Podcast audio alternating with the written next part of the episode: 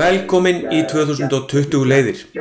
Jón Hilmar heiti ég og í þessum þáttum þá ætla ég að spjalla við bestu gítarleikarana og fá hjá þeim frábær ráð um hvernig við hinn getum orðið betri að spila og bara yfir höfuð kynst gítarleikarunum okkar aðeins betur.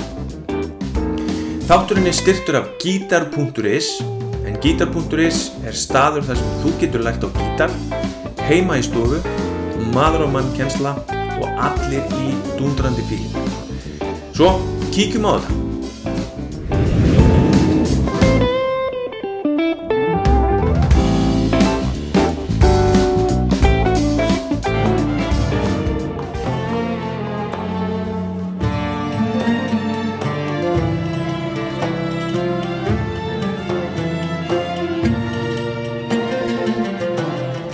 Gestur minn í dag er gítarleikarin Ásker Áskersson. Hann var á sínum tíma popstjarnar með hljómsveitunum á borð við Soldögg og hefur upp á síðkastið verið að kynna mið-austurlenska tónlist fyrir okkur Íslandingum og fleirum. Við áttum ótrúlega skemmtilegt og fróðlegt spjall og ég veit út eftir að hafa gaman af. Gjörðu svo vel.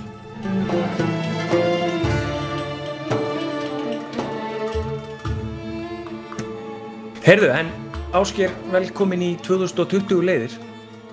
Takk og takk fyrir að bjóða mér. Bara gaman að fá þig. Ég hérna, hef búin að dáðast að því lengi hvað þú ert uh, duglegur tónlistamæður. Þú ert alltaf að gera eitthvað. Já, takk fyrir það. Og þú varst að gefa út hérna uh, plötu og, og plötur náttúrulega á vínil. Já, Og hérna, það verður kannski gaman að frá, fá að heyra eins frá þér frá um, um það fyrst. Byrja þar. já það, er nú, það er nú eitt með það sko að manni líður ekki eins og manni sé í vinnunni eða sé duglegur þegar maður er að gera eitthvað skemmtilegt. Það er svona það fyrsta og það er kannski það, sem maður tekur eftir, þú veist, að, að þegar, þegar ástriðan að tekur einhvern veginn yfir þá bara, þá rúlar þetta bara mjög auðveldlega frá manni sko og þetta verkefni er, svo horfum maður tilbaka og sér maður þetta er náttúrulega alveg risa stórt verkefni sko en, en, en sko í rauninni, þú veist, ég veit ekki, það byrjar í rauninni sko, ég fyrir að læra svo kallar balkantónlist og þetta byrjar í rauninni þar að því að kemur hérna, það kemur hérna búlgarskur harmonikuleikari árið 2009 til Íslands og, og ég fæ það verkefni að spila með honum á jazzatíð á samt það semst Haugur Gröndal á heiðuna því og hann er semst býður mér, að koma til Búlgari þessi harmonikuleikari og ég var semst að spila á, á, á því gigja á hljónfari sem heitir Tambúra sem ég hafði eignast nokkrum árum áður bara einhverju rælni sko. Og er svona eins og búlgarsku gítar. Og ég semst fer síðan bara árið eftir og nýtti með svona endumöntun kennara og svona. Og fer til Búlgari og er þar í, í þrjár vikur og læri hjá vini, vini hans og það er rauninni startar allt saman þetta, þetta, þetta, þetta uh, svona austræna tónlistar nám mitt sem er rauninni bara eins og eitthvað svona endumöntun og sem að breyti síðan yfir eitthvað svona ástríðu og áhugamál í rauninni sko. Og síðan er ég bara alltaf að spila öðru kvoru, þú veist, ég er alltaf fyrst og fremst gítarleikari en þú segir að vegnum fyrir aftan mig, þú veist, það eru þrý gítar og eitt búsúki, sko, og það, það skiptist alltaf þannig mitt tónlistarlíf, sko, þannig að, þannig að þetta einhvern veginn bara hefur flotið og alveg eðlilega þetta, þessi hluti af mínum ferli, sko, og þannig að, hérna, Þannig að síðan bara leiðir eitt að öðru, ég fyrir að fara fleiri ferðir, ég fyrir til Greiklands og stúdura Bouzouki og gríska tónlistarhefð, þú veist það eru svona ára 2011 til 14 og svo fyrir að fara til hérna, Tyrklands, til Istanbul og búin að fara þanga náttúrulega mjög oft og stúdura hljóðfari sem heitir Út og er í rauninni afi gítansins og við getum búið til heila sériu um, um hérna, hefðina sem er á bakvið það og það er svo lung hefð á bakvið þetta allt og og þetta verður einhvern veginn bara eins og svona vitaminsbrauta fyrir mig sko og svona einhvern veginn næri töfrabarnið í sjálfum mér sko, mér líður bara eins og ég sé fyrsta skipta að heyra Led Zeppelin skilur, þú veist, við þekkjum, við þekkjum allir þessa tilfinningu og ACDC og svona þessu, þetta sem við önumst eða ólumst upp því að hlusta á og svona kveikti þennan virkilega nesta í okkur. Og þannig hefur það verið með mig sko, þannig að ég hef ekkert stoppað, ég bara held áfram að, að fara þetta. Og svo er ég eitt standur úti í Istanbul árið 2016 og þá fæ ég þessa hugmynda því að þegar ég er að skoða til dæmis þegar ég er að skoða til dæmis styrknesk og grísk lög að þá er alveg virtuósa spilamennska í gangi og, og það eru svona búið að búa til að svona millispil og, og hérna og intro og spunakabla og svona inn í þessari músík, sérstaklega grísku og teknísku tónlistinni kannski og östræðni og í, í sönglu honu líka. Þannig að hljóðfaralegarnir fá að, fá að næra sig heldur eh, mikið sko þar.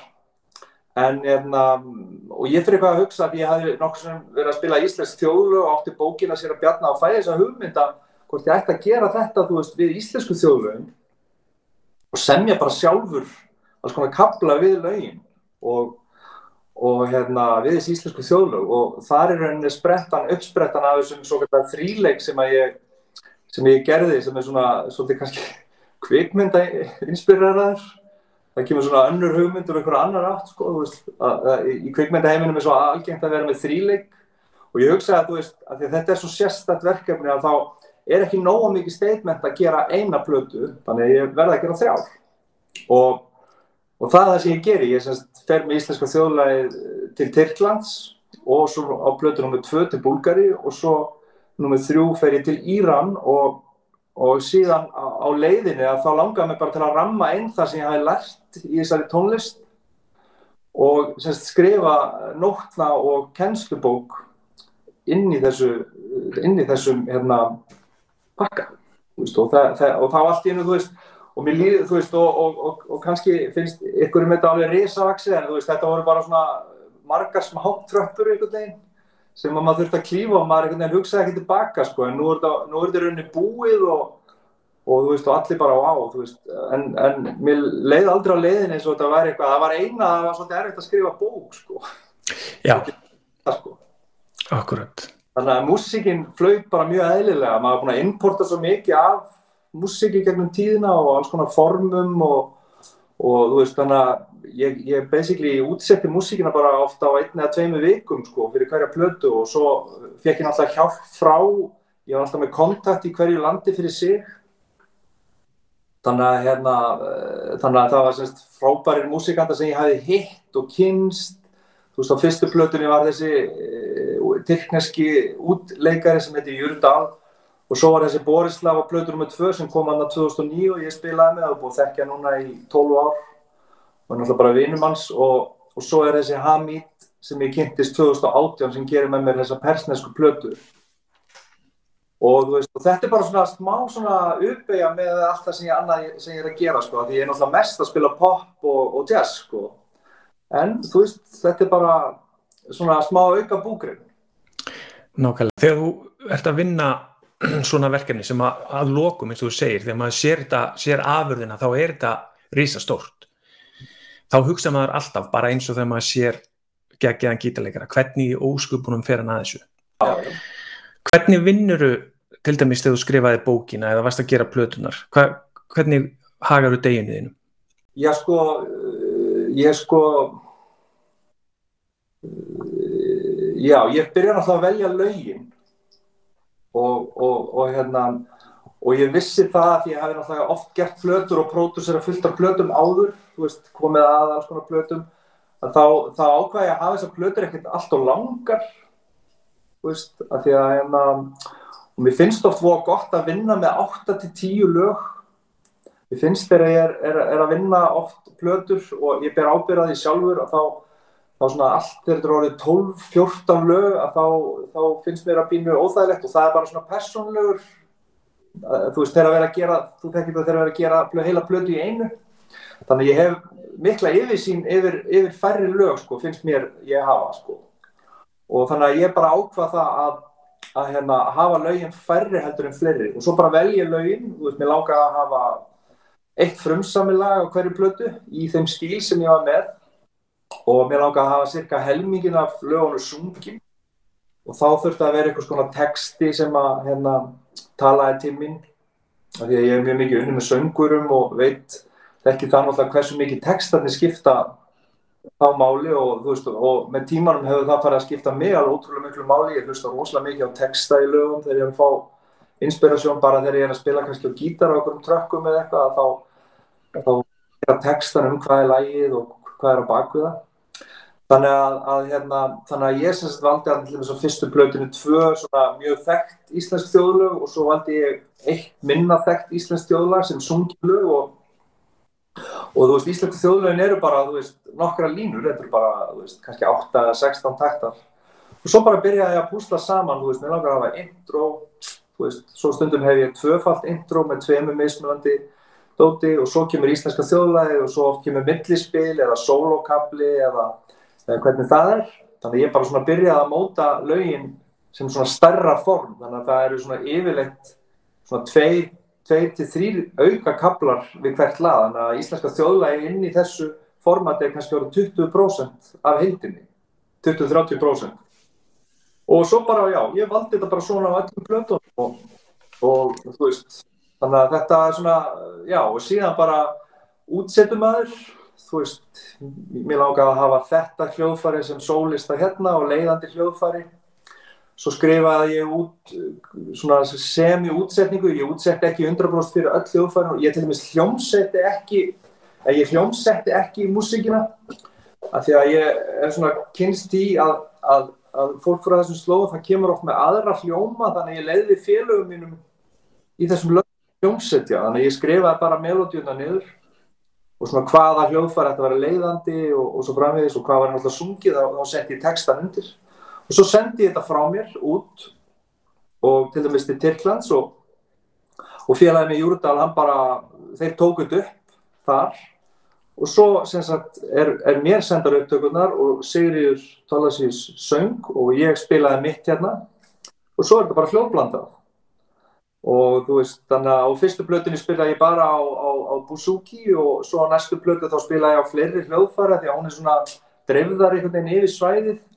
Og svo þriðuplötinu þá spilaði ég á svona hérna, syntabassa og ramaskítara þegar mér langaði að svona enn meira svona nútímalega sound á þessu. Ekki bara í raunsku hljóðfærin þannig að ég vunni alla plötunar eins í rauninni sko. Mm -hmm. Og hvernig, ertu með einhverja vinnu aðferð þegar þú ert að vinna svona verkefni? Sestu niður á hverjum degi eða setur einhvern ákveðin tíma af deginum í verkefnið eða hvernig gerur það? Ég tek þetta svona með áflöpi Já. Þú veist, mér, ég hef aldrei verið sem gauð sem hefur verið að semja músík á hverjum degi.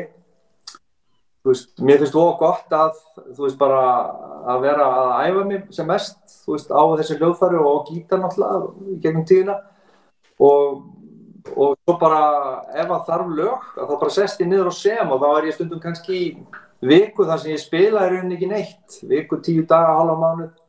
Þess að ég spila kannski voða lítið en ég bara er að semja og er að útsetja og pæli þessu. Og ég fyrir mikið gungutúra til að svona refresha aðeins. Og hérna til að fá hugmyndir og svona. Og, en, en já, ég, ég hef aldrei verið þessi gaur sem kannski sitt og sem á hverjum degi. Ég tek svona hérna að því að ég, ég, mér finnst bara gott að importera músikinni og, og, og því sem ég er að fást við sko. Og þá á ég auðveldra með einhvern veginn að fá það út. Þetta finnst mér að mín aðferð sko. Ég hef reynt að semja á hverjum deg maður hefur tekið þessa aðferð þú veist að að reyna að semja tvölu á dag eða eitthvað á dag og, og, og, og það verður svolítið yfirþyrmandi og kemur ekkit út úr því allan ekki fyrir mig sko Akkurat Já, þetta er áhugavert. Hérna, en hvernig, af hverju byrjaði að spila á gítar? Hvað var til þess? Það var bara áhuga á músík sko. Ég, hérna, ég byrja semst að spila 12 ára og, og er rauninni sjálf mettaður í, í, í tónlistanámi ég, ég læriði aldrei neitt.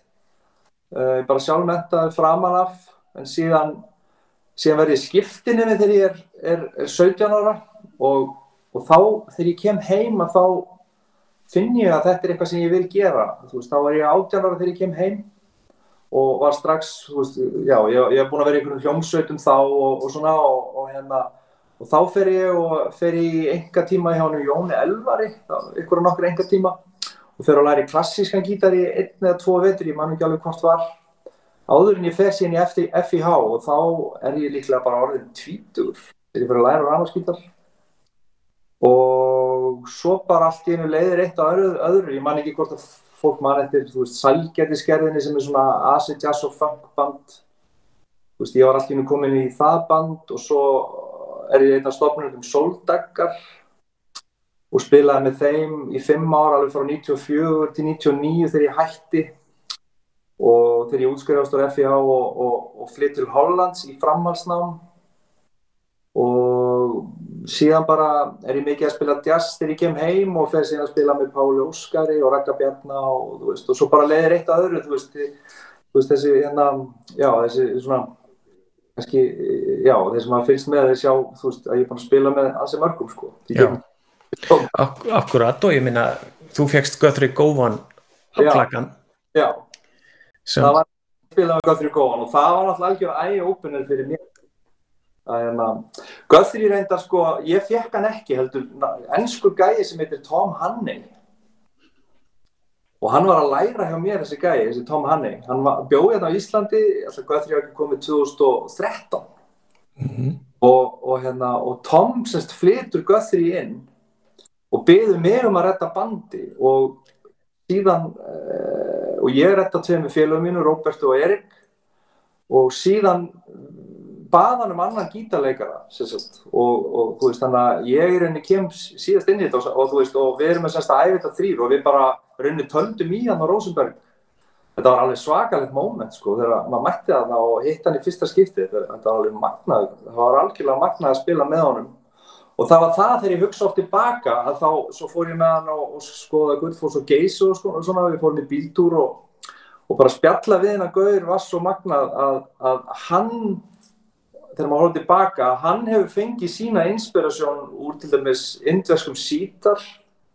Og hann þekkti mikið um tyrkneska eh, útleikara, hann vissi mikið um þá og þekkti tyrkneska kerfið, þessar mikrotónu og svona. Og maður heyrir þetta í, í spilinu hjá hann, slæ, litlu slætin og svona, hann raunir kemur með svolítið nýtt inn í rammaskítarinn, hérna finnst mér allavega þannig að á þessum árum, alltaf ekki svona tíu ár síðan að fólk fór að tíu, tólf ár síðan að fólk fór virkilega að taka eftir honum og, hefna, og mér finnst það svona, já, það er svona hvernig hann tegir og, og, og svona þessi litlu slætt sem er ekkit annað en að hann er bara herrmætt í sítar. Já. Og þannig að það var svolítið gaman að, að tala við hann og svona styrti mann í því að maður var í svona réttri, veist, þetta var eitthvað sem er gott að blanda saman, þú veist, allt sem maður lærir inn í gítarinn, af því að það er alltaf fyrst og fremst manns hljóðfæri, sko. Nákvæmlega. Manst eftir einhverju svona atviki sem að uh, þú getur hort tilbaka og sagt bara þarna ákvaði að verða gítarleikari? Já, það er nú kannski bara þarna þegar ég kem heim frá frá bandaríkjónum sko. Varst að spila á fullu út í bandaríkjónum? Þess, ég veit ekki, þú veist, ég er semst á skiptinni og bandaríkjum eru þannig að maður eru ofað vinsat svona fyrstu tíu daga sem maður er í skólanum svo það er ekkert að manni vita svona næstu fjóra-fimm mánuðina.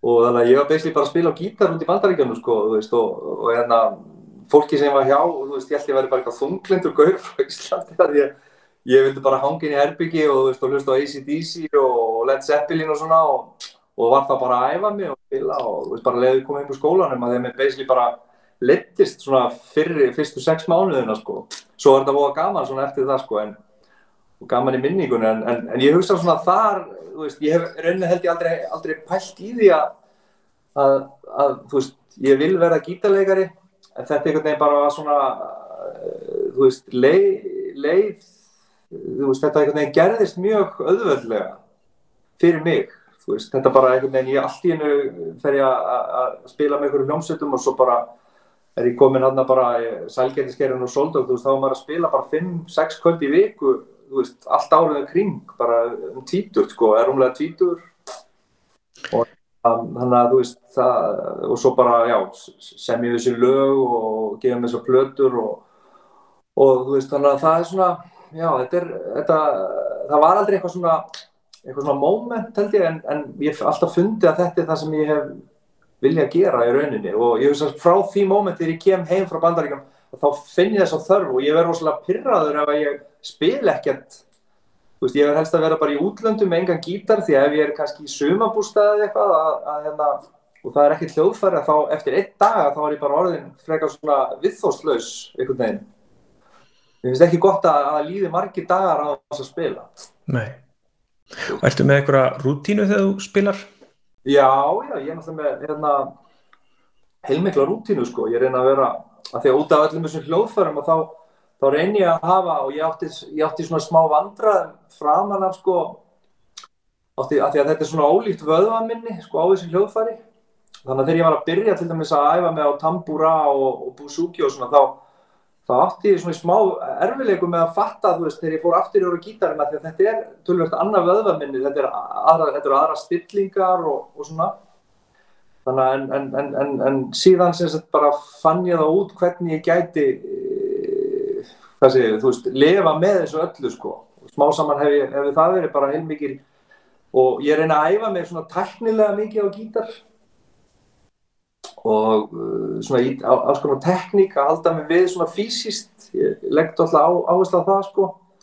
Um, og svo reynir ég að, að æfa mig þú veist, músikast líka náttúrulega þú veist, að, þú veist ég, ég er með svona hvað var að segja, ég er með svona tvö mód, annarkvært er maður í eitthvað svona, svona practice mód og hins vegar í svona performance mód sko.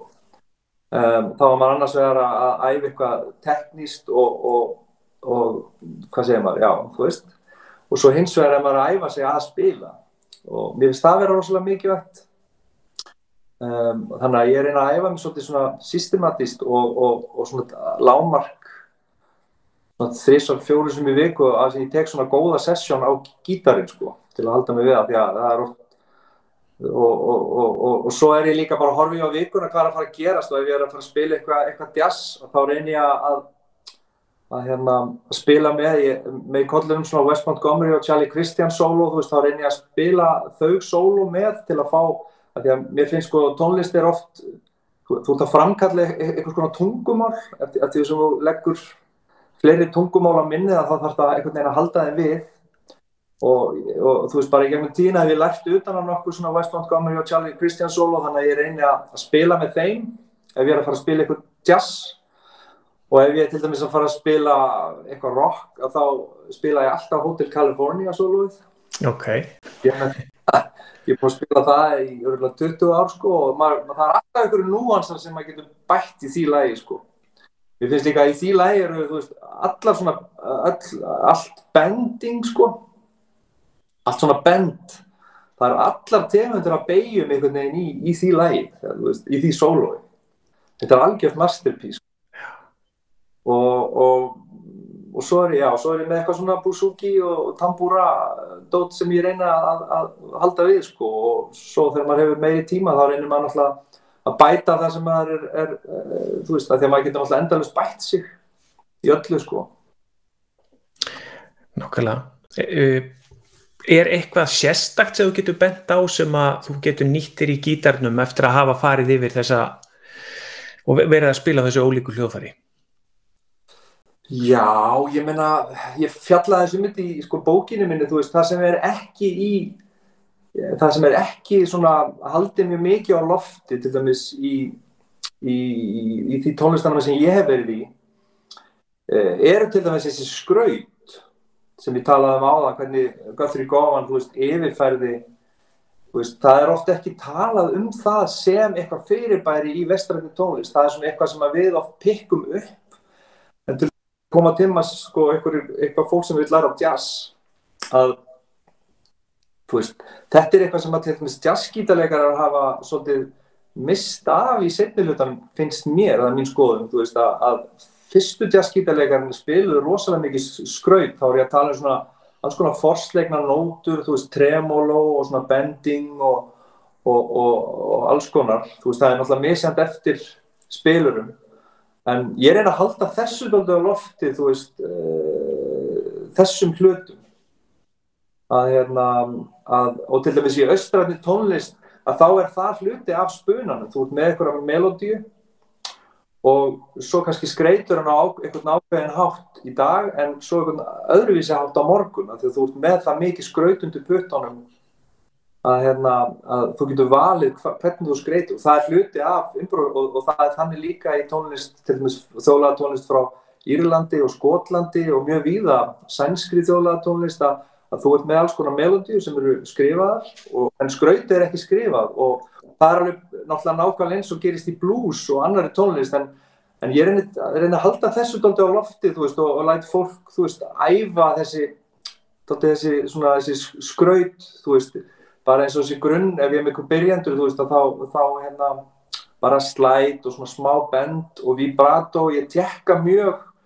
mikið á hvort að fólk sé ekki alveg með þetta dán áður en lengra er haldið sko. Mm. Þetta er mikilvægt í, í því sem við erum að gera því að gítarinn getur hljóma svo mikið eins og mannsröttin sko um, já, þú veist ég legg miklu áherslu á þetta og síðan alltaf þegar lengra er komið þú veist að, að þá, þá er alltaf þessar, þessir, allir þessir ottatölu rithmar sem er alltaf gríðalega mikilvægir í, í austrætni tónlist, þú veist að spila í nýju og 11 og 5 og 7 og allt þetta og hvernig taktarnir skiptast. Og það tekur náttúrulega rosalega langan tíma að, að, að æfa þetta upp. Og síðan að alltaf síðan að fara að byrja að improvisera í, í kannski 11 eða 9, það er náttúrulega mjög krefjandi í rauninni. Þannig að, þannig að það sé ekki svona rosalega bara svona hokkið og sterilt sko, það sé svona náttúrulegt, það tekur mörg mörg ára að æfa það. Og, og ég, þú veist, og ef ég er að kenna einhverjum svona loka metrónum að þá fer ég oft í það með fólki sko. Akkurat. Að, og, og í mínum og þegar ég er að semja músík náttúrulega þá, þá hefur maður allar þessar pallettur líka til að velja úr sko. Åtta, þessi óttatölurithmar hafa náttúrulega bætt pallettuna mína rosalega mikið og, og, og til dæmis e, til dæmis bara ef ég, ef ég segi já það á árun 2012 til 14-15 þá fór ég mikið til Greiklands og þeir eru með ákveðna, ákveðna hérna, þeir læra til dæmis búsúkileikarar þeir, þeir tækla hvert rithma fyrir sig alveg bara rosalega systematíst þannig að þeir æfa sig bara, það er bara inn í þeirra dagljúr rútínu að æfa fimmólur eða eitthvað ákveði skraut og, og að, svona, þessi, þetta svona þetta hlutir í þeirra tónlist og, og gríski búsúkileikar er alveg fáránlega nákvæmir spilara sko, þú veist.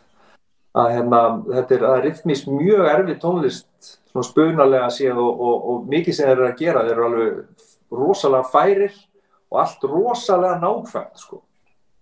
Þannig ég lærði alveg gríðarlega mikið á því þú veist og og satt mikið með búsúki og gítarinn líka og var að æfa með að spila, þú veist, fimm nótur yfir eitt bít eða eða, eða sexsólu eða, eða tvær, trí, sextandabars tríólur. Og þetta er það sem ég læriði frá þeim sko, og hefur náttúrulega bætt mitt gítarspil rosalega svona, tók nákvæmnuna upp, upp um nokkra tröppur í viðbót, finnst mér. Og maður hefur lært mikið af sko. Akkurat uh, Svo við bökkum aðeins, þú fóst út að læra, hvert fóstu til Hollands var það ekki? Já, ég fóð til hérna eftir Ég fótt til Amsterdam og lærði þar í frábæra skóla sem heitir Conservatorium van Amsterdam. Og var þar í tvö ár bara um, og sem var æðislegt af því að ég hef búin að spila svo mikið á böllum uh, þú veist, tíðarandi var náttúrulega þannig að maður spilaði á sveitaböllum. Svo spilaði maður á börn þú veist og, og ég fann það hana út 1998 og 9 að þú veist, það var eitthvað sem að ég vildi bara ekki gera. Ég hafði einhverja aðra sín á hvað ég vildi gera. Það er fínt að spila á böllum en, en ekki þrjú-fjögur kvöldi í viku og þá tók ég þessa erfuðu en góðu ákvörðun að hætta og flytja til útlanda.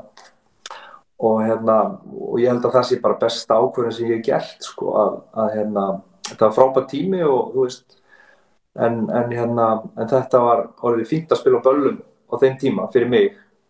Og ég hef mikla virðingu fyrir fólki sem spilar á börlum en þetta var bara ekki alveg fyrir mig sko.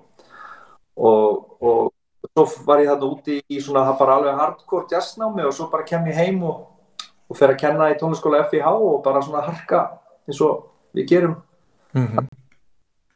Hvernig þegar þú kemur út var uh, rakst á einhverja veggi? Var, var þetta erfiðar en þú bjóst við? Varstu nógu vel undibúinn Já, þú veist, um, ég held, uh, þú veist, ég er ekkert, einhvern veginn þannig sé, sko. Ég menna, hollendingar eru mjög svona, þeir segja það sem þeir eru að hugsa, þeir eru ekkert að búlsýta mann. þannig að, að ég held að allir hljóðfærarleikarar, þú veist, mann hefur bara sagt beint út mann styrkleikar og líka manns veikleikar þannig að ég uh, tók það bara til mín og ég held þessi bara ennþá ég fekk frábæran kennara, þú veist, þarna úti og og ég held að maður sé bara ennþá þakkláttu fyrir þessi, þessi tvö ár sem ég fekk með honum. Því að veist, hann saði mér hverju mínu veikleika voru og, og hérna svo hef ég bara unnið í því sko. Því að það náttúrulega er í hlutverki eins og þú þekkir, ég menna veist, við, við, við hljótum sem kennarar verða, verða að vinna í, í veikleikum nefnd okkar líka og, og, og þú veist og segja og tala um þessa hluti bæði góðu hlutina og svo það sem það er að vinna í sko. og ég hafði fannst mér ekki fengið það fram að því sko. almennilega sko. Akkurat Já ég er samanlega því það er, það er miklu betra að fá svolítið góða og beita gaggrinni heldur en hitt Akkurat sko því að, því að þú veist og, og hann alveg svona þú veist hann, hann, hann sagði mér beint frá því sko en hann sagði líka sko hvernig ég ætti að bæta það sko.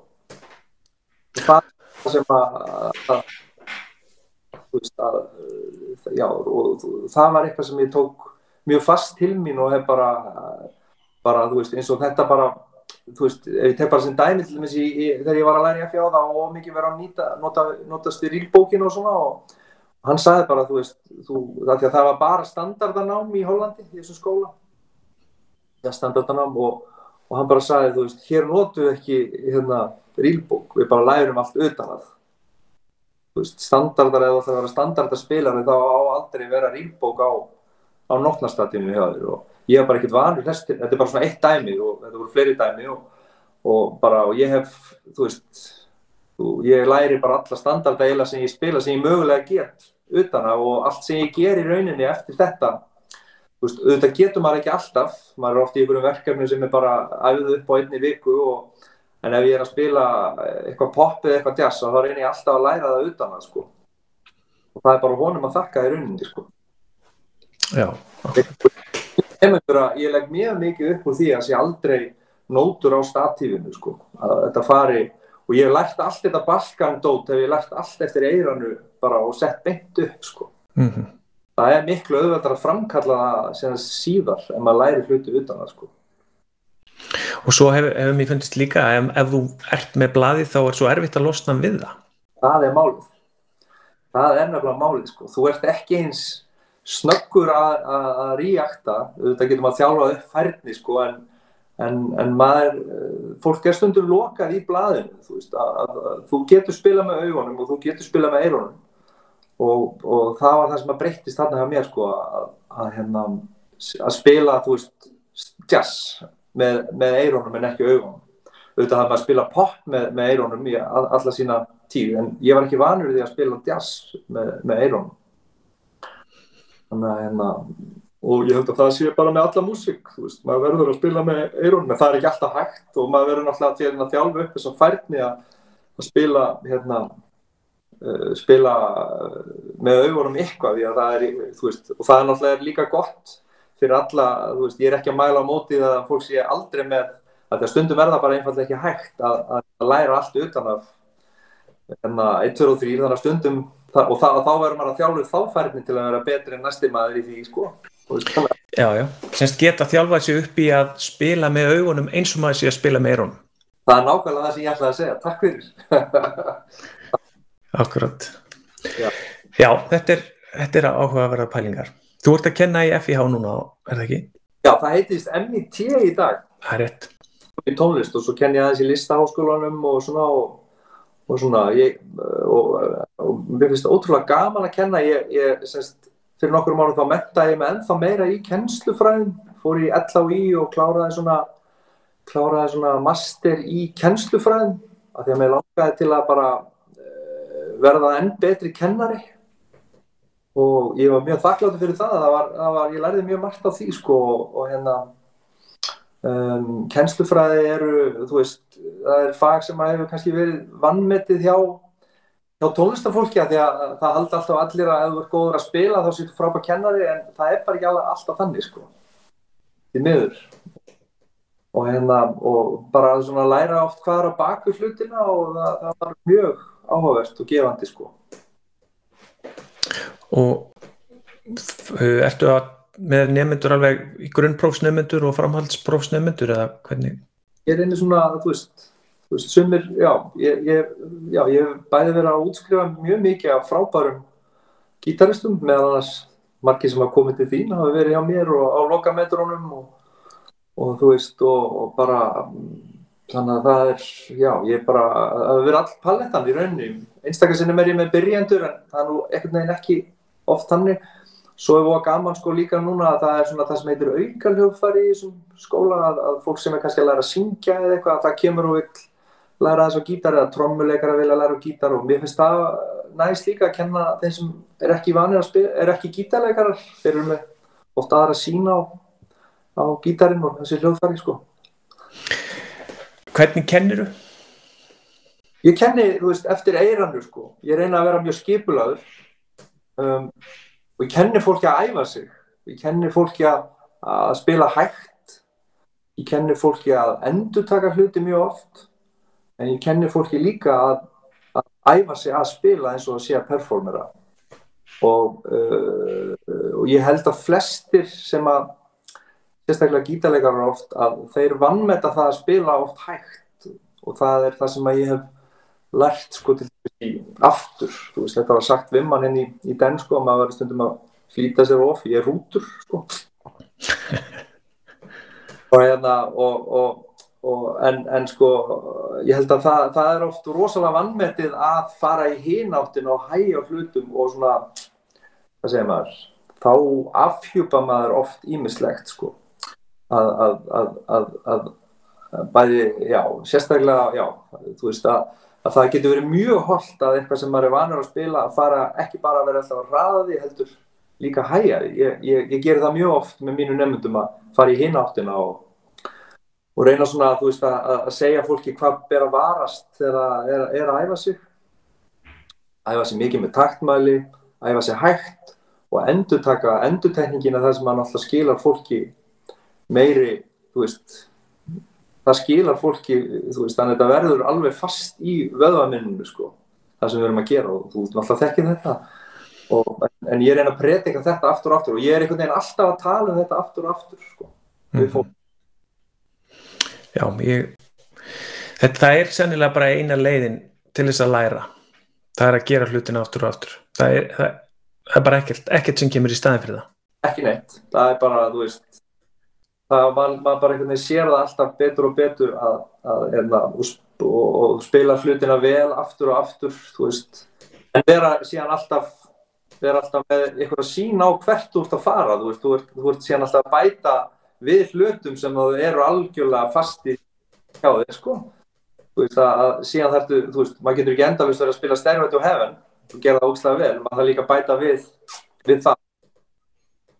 Og Og, veist, og, og þar kemur maður inn svona veist, og, og ég reynir veist, að finna þetta. Ég lærði þetta til dæmis í náminn að, að, að ég hef, vísu aldrei gert það en, en, en í náminn er mjög mikið talað um að hjálpa nefnandunum að finna sí, sína leið sko. það er að vera að yfirfæra það sem áhuga svo við kennarans. Ég var þetta að hérna að kenna þannig að, að taka áhuga svo við nefnandans þó að það sé ekki kannski mitt forti 100% að reyna að hjálpa nefndandanum og, og, og beinunum inn á einhverjar leiðir sem að ég sé en hann ekki veist, og, og auka þá pallettu sem er hann og ekki reyna að steipa þú veist alltaf í sama skilur mm -hmm. við þurfum alltaf svo, svo misjón En það, ég gæti trúa að það sé sannlega þetta er einn af erfiðar í partinum af því að vera kennari, það er að, að ná þessu frá Já. að geta tilenga sér þetta Já, það er, maður þarf að hafa margt undir puttunum og þú veist, og enda, enda líði mig bara fyrst núna þannig og ég er búin að kenna í næstu í 20 ára að, að þegar maður er búin að fá allar þessar einslu að spila, þú veist, flestar tegundir af rytmiski tónlista, nú, nú líður manni sem að geti hjálpa fólki með ansið margt, en langt frá því að geta hjálpaði með allt, sko. Nákvæmlega, ég, þetta kannski lýsir sér best í hvernig fóreldra við erum, við erum alltaf að að koma því áfram sem við þekkjum best sjálf. Mm.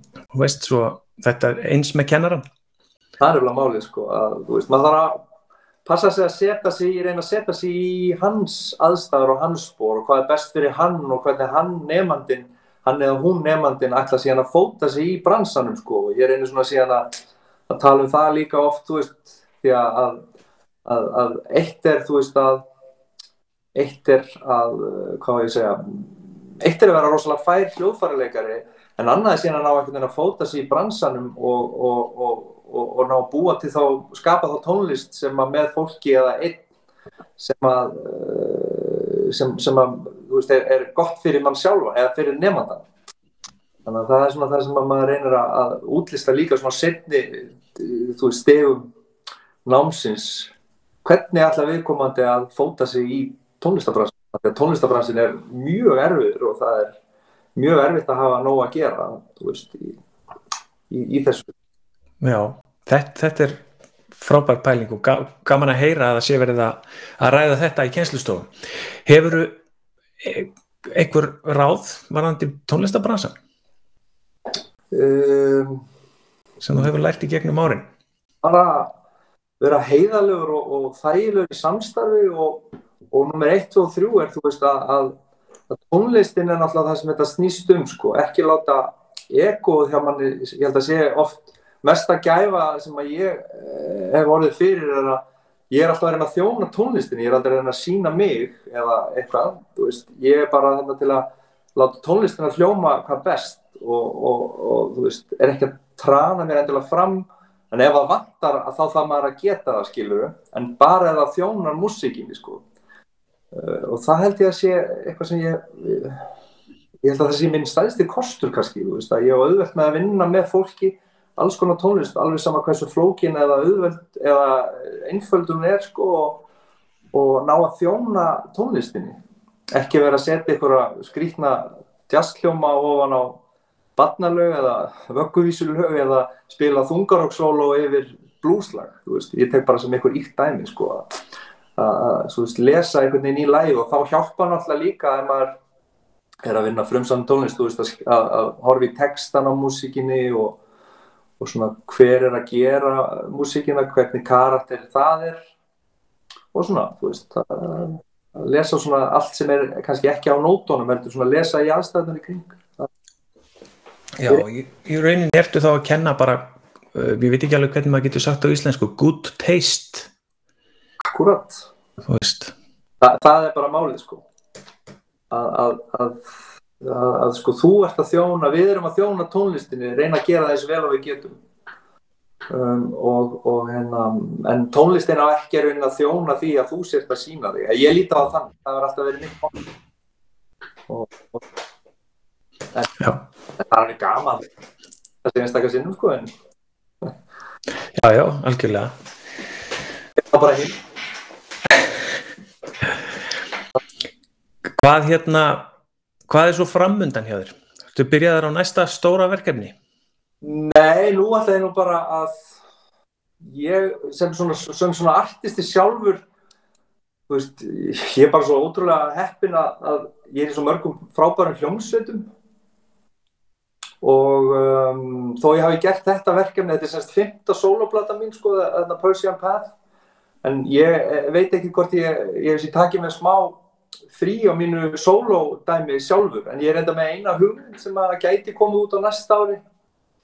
En svona næstu, þú veist, ég var að spila inn á plötu hjá Sigmari Þór hérna, kontrabassaleikara það sem er svona verið að uh, fjúsjóna saman, þú veist jazz trio og miðausturlanda tónlist, þetta er svona þetta er, þetta er, þetta er svona fjúsjón af austurlæski tónlist og jazz. Og við erum að fara norður á fymtudagin að spila og við höfum verið að spila mikið Síðan er ég alltaf að spila með Pál Óskari og ég er að vinna síðan blötu með Rebekku Blöndal sem er mjög ung söngkona. Og þú veist og, og svo er útgáðu tónleika, ég er í hljómsið sem heitir Red Barnett sem að hérna sem er frábært band og Halli Sveinbjörns hérna og það eru útgáðu tónleikar einhvern tíman í höst og ég er að gera músík með Kalle Olgers og Óla Holm sem er svona orgeltríó, sem er svona pop jazz orgeltríó og við erum að gera hluti og þannig að það er alltaf eitthvað gangi að þú veist, sumt er svona eitthvað session, sumt er hljómsveit og svo er ég, er ég líka með þessi svona eitthvað smá verkefni sem svona soloartisti og það er ótrúlega skemmtilegt að vera með allar þessar þrjár palettur að hérna að, já það er, ég, Það er nóg að gerast.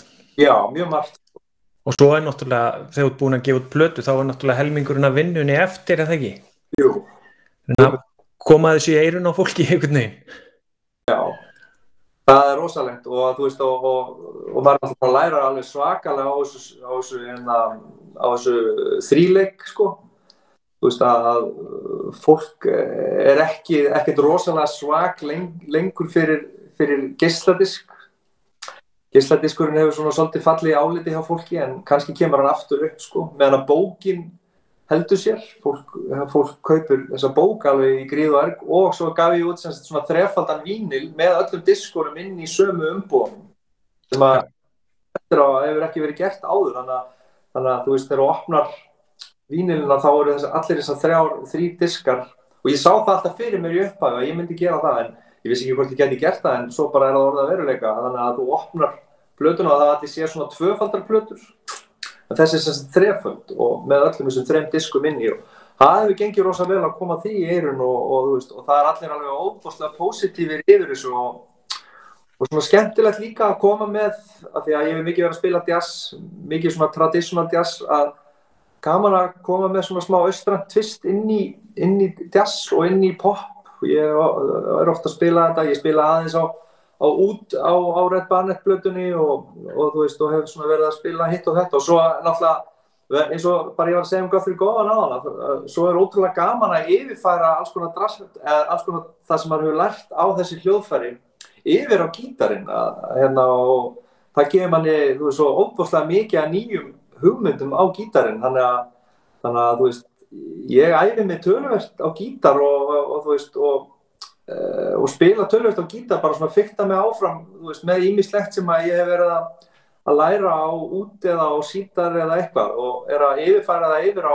gítar, bæði jazzgítar og svo þú veist rammaskítarinn og, og það er náttúrulega alveg ótrúlega gefandi að, að hérna og mann líður oft bara eins og mann sé ennþá 14 ára sko Já. og ennþá Jimmy Page eða Bonham eða hvað sem er sko Þú varst með út við hliðin á þér. Já. Getur þú lift okkur að heyra smá og kannski Já. sagt okkur pínlíti frá þessu hljóðfæri? Já, bestilum ekki. Það, það er eitt sem er svolítið fyndið við miða Östurland að, að hérna, það, er, það er svona margt sem er svo svipað en samt svo öðruvísi og þegar, þegar menn spila út þá er notað skemillin hérna góði sem við lærum í klassík ídalum nema skemillin er undir vittlusi löpp þannig að vinstri löpun, þetta er hægri löpun. Já, já, já. Og svo er, uh, svo er, út, er sem sagt, er þetta strengja hljóðfæri veraldar og sem sagt, sem sagt, euróska lútan er sagt hönnuð eftir þessu hljóðfæri. Uh, og lútan er sagt nákvæmlega eins hönnuð nema hún er með böndum sko, menn að þessi er bandalaus. Og það er semst 11 strengir í þessari tegundalútu það er semst eiginlega tvær tegundir af út, eða lútu. En það er til þrý stílar í rauninni með, með Östurlöndum það er semst þessi stílar er þessi arabíski stíl þessi tyrkneski stíl og svo er íransku stíl sem er svona þessi per, Persian stæl. Og það er til í rauninni tvær tegundir af út og það er þessi bjartari og þessi dekkri. Og, uh, og þetta er þessi bjartari sem er þessi, þessi tekniska tegund. Og þá er sem sagt efsti efsti tóttin er D sem sagt opnistrengurinn meðan hann er E á gítar og dýfstistrengurinn er D. Þannig að þetta er bara heiltón niður fyrir gítarinn meðan að hinn tegundin, dýbri tegundin er sem sagt C og C. Og svo til aðbriða af, af hérna, arabíska útunni sem er miklu herri sem er F upp á F. En þessi út eru meira meina stilti bara eins og, eins og gítarinn sko og hérna uh, vandamálið samt við þetta fyrir gítarleikar eins, eins og mig er að þetta er sagt nöggling Já, já, já.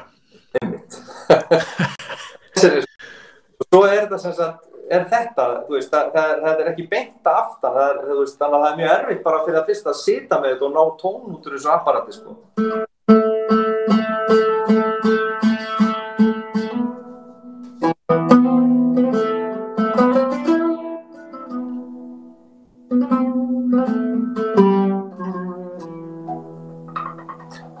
Svo náttúrulega fyrir að fyrst að er erfitt að tóna á það og, veist, og, og vera í tjúni og svo koma allir þessir mí mikrotónar hérna. Og þetta er grunntónin, þá er...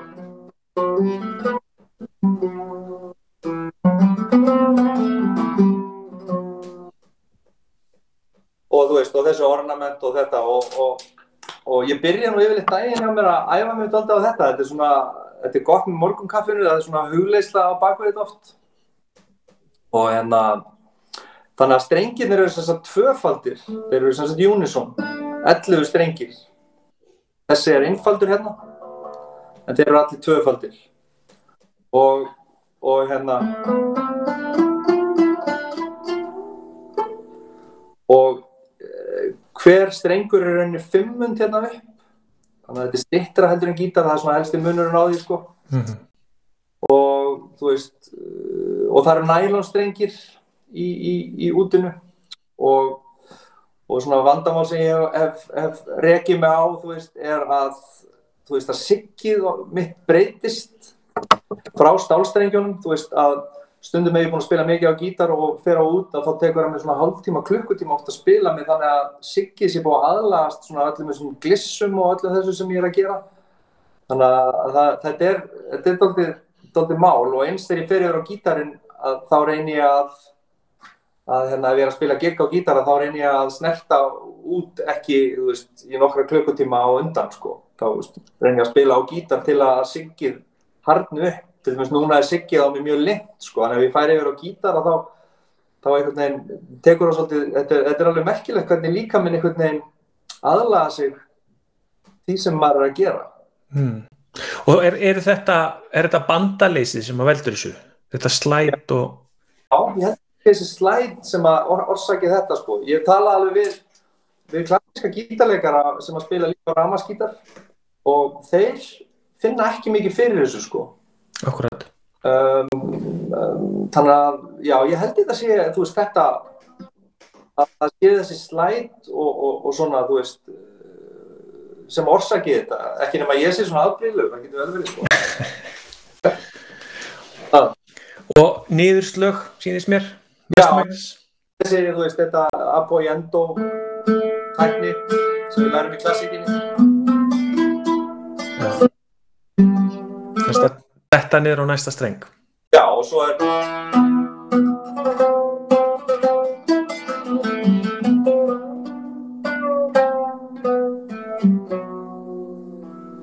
Og þessi hægu slæt er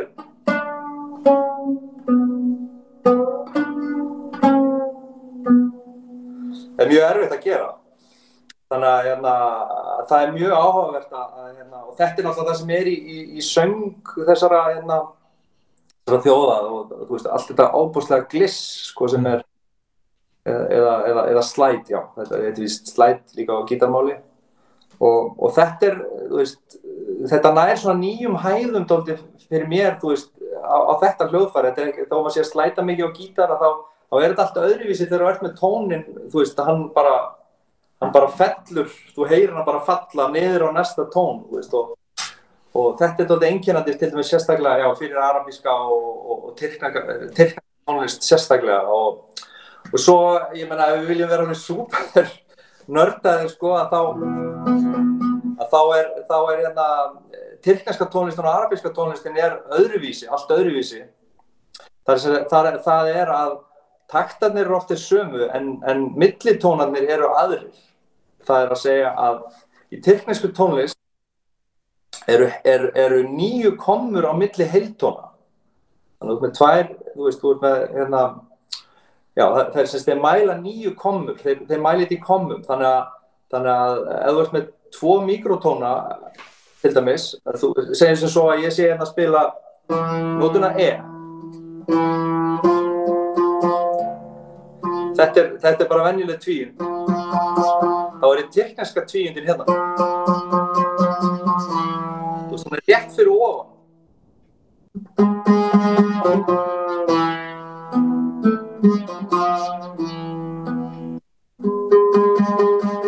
Erum við hvernig þú færir svona ískil? Og þú veist, og það, það er doldið hérna, það er doldið fyrir, fyrir teknísku tónlistina meðan að mikrotónin í arabísku tónlist er alveg í miðjunni, hún er akkurat á milli. Þannig að ef þú ert með tjúnirinn á, að þá bing, er hann annarkort, þú veist, öðru hvoru megin, þú veist. Meðan að, að tilknir, ef þú ert með tjúnirinn að þá er annarkort aðeins niður eða aðeins upp. Og það er þar sem maður svona fattar ímislegt varandi blues og svona, þú veist, þegar við erum að tegja svona aðeins í blues, litlu þrýjundina og svona, þú veist, við erum að tegja tónana aðeins upp, þá fá maður svona illt í magan og, og það, það er, þú veist, það, það er það sama í teknísku tónlistinu, maður er aldrei að vita af hverju maður gerði það, en þannig eru til sem sagt bara nótur fyrir þessa tóna, bara alveg spesial, þú veist, þeir skrifa til dæmis bara lækkuðunótuna með, bara eins og lækkun við erum með, með streiki í gegn og stundum með lækkunamerki öfugt og þetta eru bara tónar sem að þeir heyra, veist, þeir, þeir segja, þú veist, já, jú, hérna, mikrotónin er ekki nóg mikið svona, svona það þarf að vera aðeins ofar eða aðeins neðar, þeir heyri þetta strax af því að þetta eru bara natúrulega tónar fyrir þeim. En fyrir mig, mig hefur þetta verið, þú veist, þetta tekur svona 7-10 ára að ná þessu algjörlega veist, og ég er búið með 4-5, þannig ég er farin að heyra þessa tóna nokkuð, en þú veist, langt frá að vera búin að master þetta sko, en þetta, það er bara þetta journey sem er svo skemmtilegt, svo rekst maður á ýmislegt í svona vestrætti tónlist sem er áhugavert og, og á svo mikið svona skilleika við, við þetta sko. Að tónarnir á píanónu, það eru til svo miklu fleiri tónar og við erum sjálfur að nota það sem gítarleikarar, erum sjálfur að nota þessa tóna en við veitum ekki alveg af hverju. En, en útskýringin er, er oft hann kannski.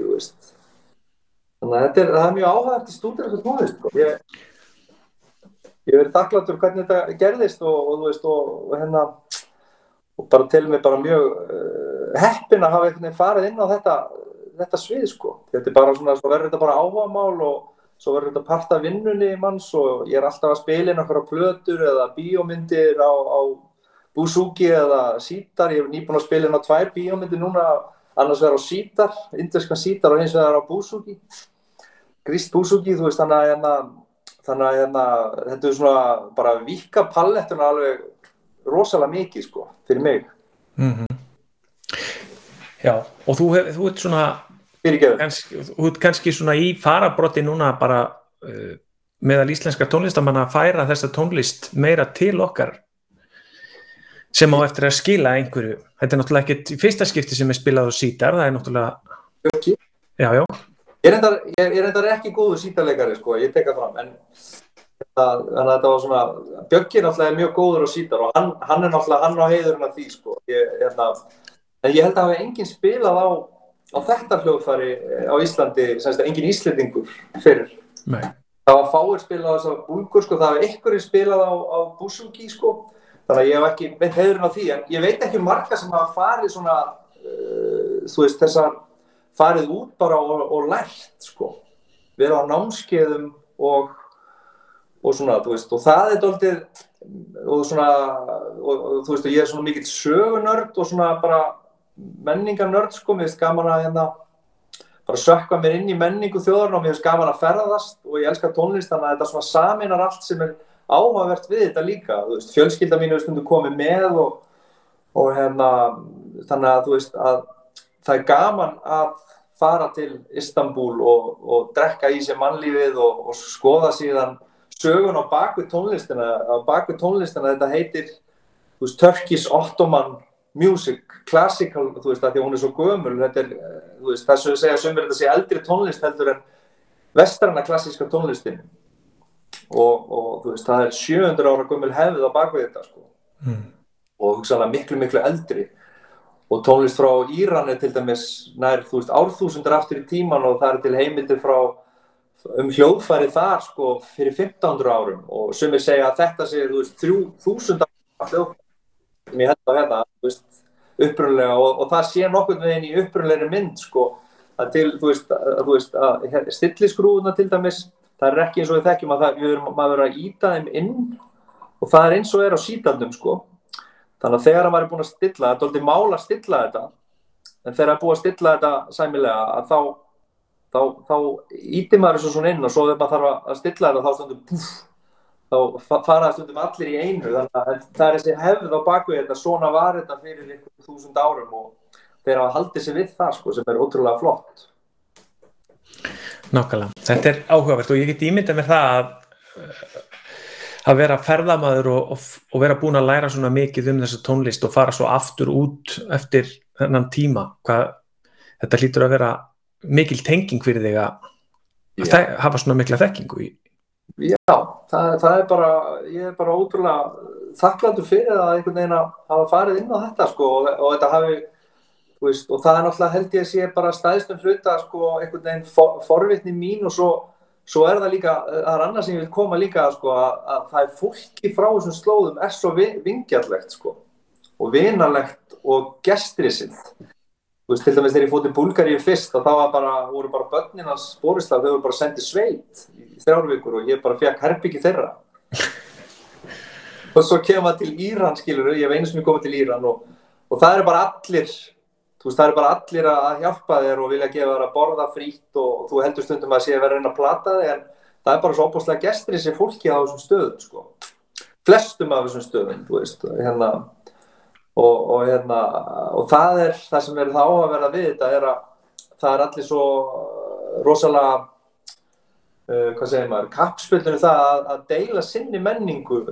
Þessi menningu við orðið undir sérstaklega á Vesturlöndum.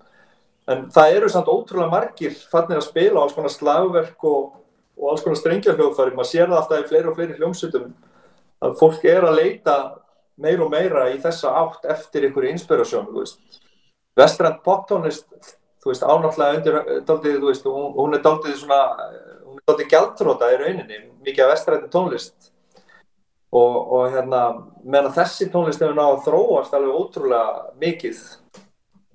Og þannig að ég held að, að, að, að ég vona það allavega að í framtíðinu verði alltaf meira og meira sem sé verið að blanda, þú veist, svona stílum saman og, þú veist, ekki það að ég sé að gera það fyrstur en, en það var náttúrulega fullt af fólki gert það og, og, og, en, en ég held að það sé mjög áhugavert að blanda öllum þessum hlutum saman. Og komast út úr þessu hefbundna, það gerist eitthvað nýtt þegar, þegar maður blandar það er eins og þegar maður blandar fólki saman, maður kann, kannast við að þú veist, þú ert að spila með einhverju hljómbúsleikar og þú spila með næsta og það kemur eitthvað allt annað. Já, já, já, já akkurat. Og poptónlistin eru þetta búin að vera til svo ótrúlega stutt, sko. Já svo að hún á kannski eftir að gera eins og þessi tónlist hefur kannski gert á sínu tíma það voru einhverjir samrunnar og já. þróunin var þannig Algjörlega sko. þetta er bara, þú veist, þetta er, já, eins og þú segir sko, þessi vestranna tónlist sem við þekkjum hún er búin að vera til svo stutt þetta þú veist, þetta er meðan að, að og auðvitað náttúrulega eru klassísk tónlist er, var, var náttúrulega það var partítónlist hérna í byrjun alveg svo heimstónlistan og alþýðutónlist og alveg svo jazzin var í byrjun veist, þetta voru jarðafara músik og svo skemmtitónlist og það er alltaf enginninn fyrir alþýðutónlist sko, þú veist annarkort að og það er það sem við erum ennþá að gera við erum annarkort að spila í jarðaförum eða einhverjum partíum sko, það hefur lítið breyst. Við höfum verið að hittast. Já, klárlega. Herðu, þetta er búið að vera alveg ótrúlega skemmtilegt að spjalla við um þetta og hérna en svona, svona að lokum áttu eitthvað svona eitthvað djúsi ráðhónd okkur að lokum? Já, það er eitt sem ég lært sko hérna, að þú veist að, að maður þarf til að, að, að maður þarf til að svona þrýfast doldið í þessu í langan tíma. Þá þarf maður náttúrulega talent maður þarf passion og maður þarf vision. Maður þarf eitthvað svona sín hvert maður er að stefna það er, það eru margir sem gleima því held ég sko að, að, að, hérna, að það er þetta þrett sem ég reyna að hafa svona og ég held að svona á meðvitað er ég svona oft verið með þetta í huganum sko, sérstaklega þetta 1999 þegar ég tók þessa, hérna, þessa ákvörðun. Um, ég held og svo var bara góðu vinnum sem var að tala um þetta um daginn að það var að lesa viðtalandi við Nile Rodgers, kollega okkar hérna, Sheik, sem er nú búin að endast lengi í þessu og þá kom hann með þessi þrjú, þrjú ráð, þú veist, að, eða svona þessi þrjú orð sem eru svona geggjur stikkorð, þú veist, að þú verður að vera með talent og passion, vinnusemina og, og þú veist, eljuna, ástriðin og allt þetta og svo verður að vera með eitthvað að sín hvert þú ert að fara, þannig að þú veist, ekki vera staðnaður og stopp, endur hvert ert að fara. Þetta var alltaf svona eye-opener fyrir mér og bara gama kannski að, að koma þessu á framfæri líka fyrir alla að, að hérna, það er alltaf mikilvægt sko. Þetta eru frábæri loka orð, finnst mér. Þakka þið kærlega fyrir að koma í 2020 leiðiraskir. Eðurinn er minn.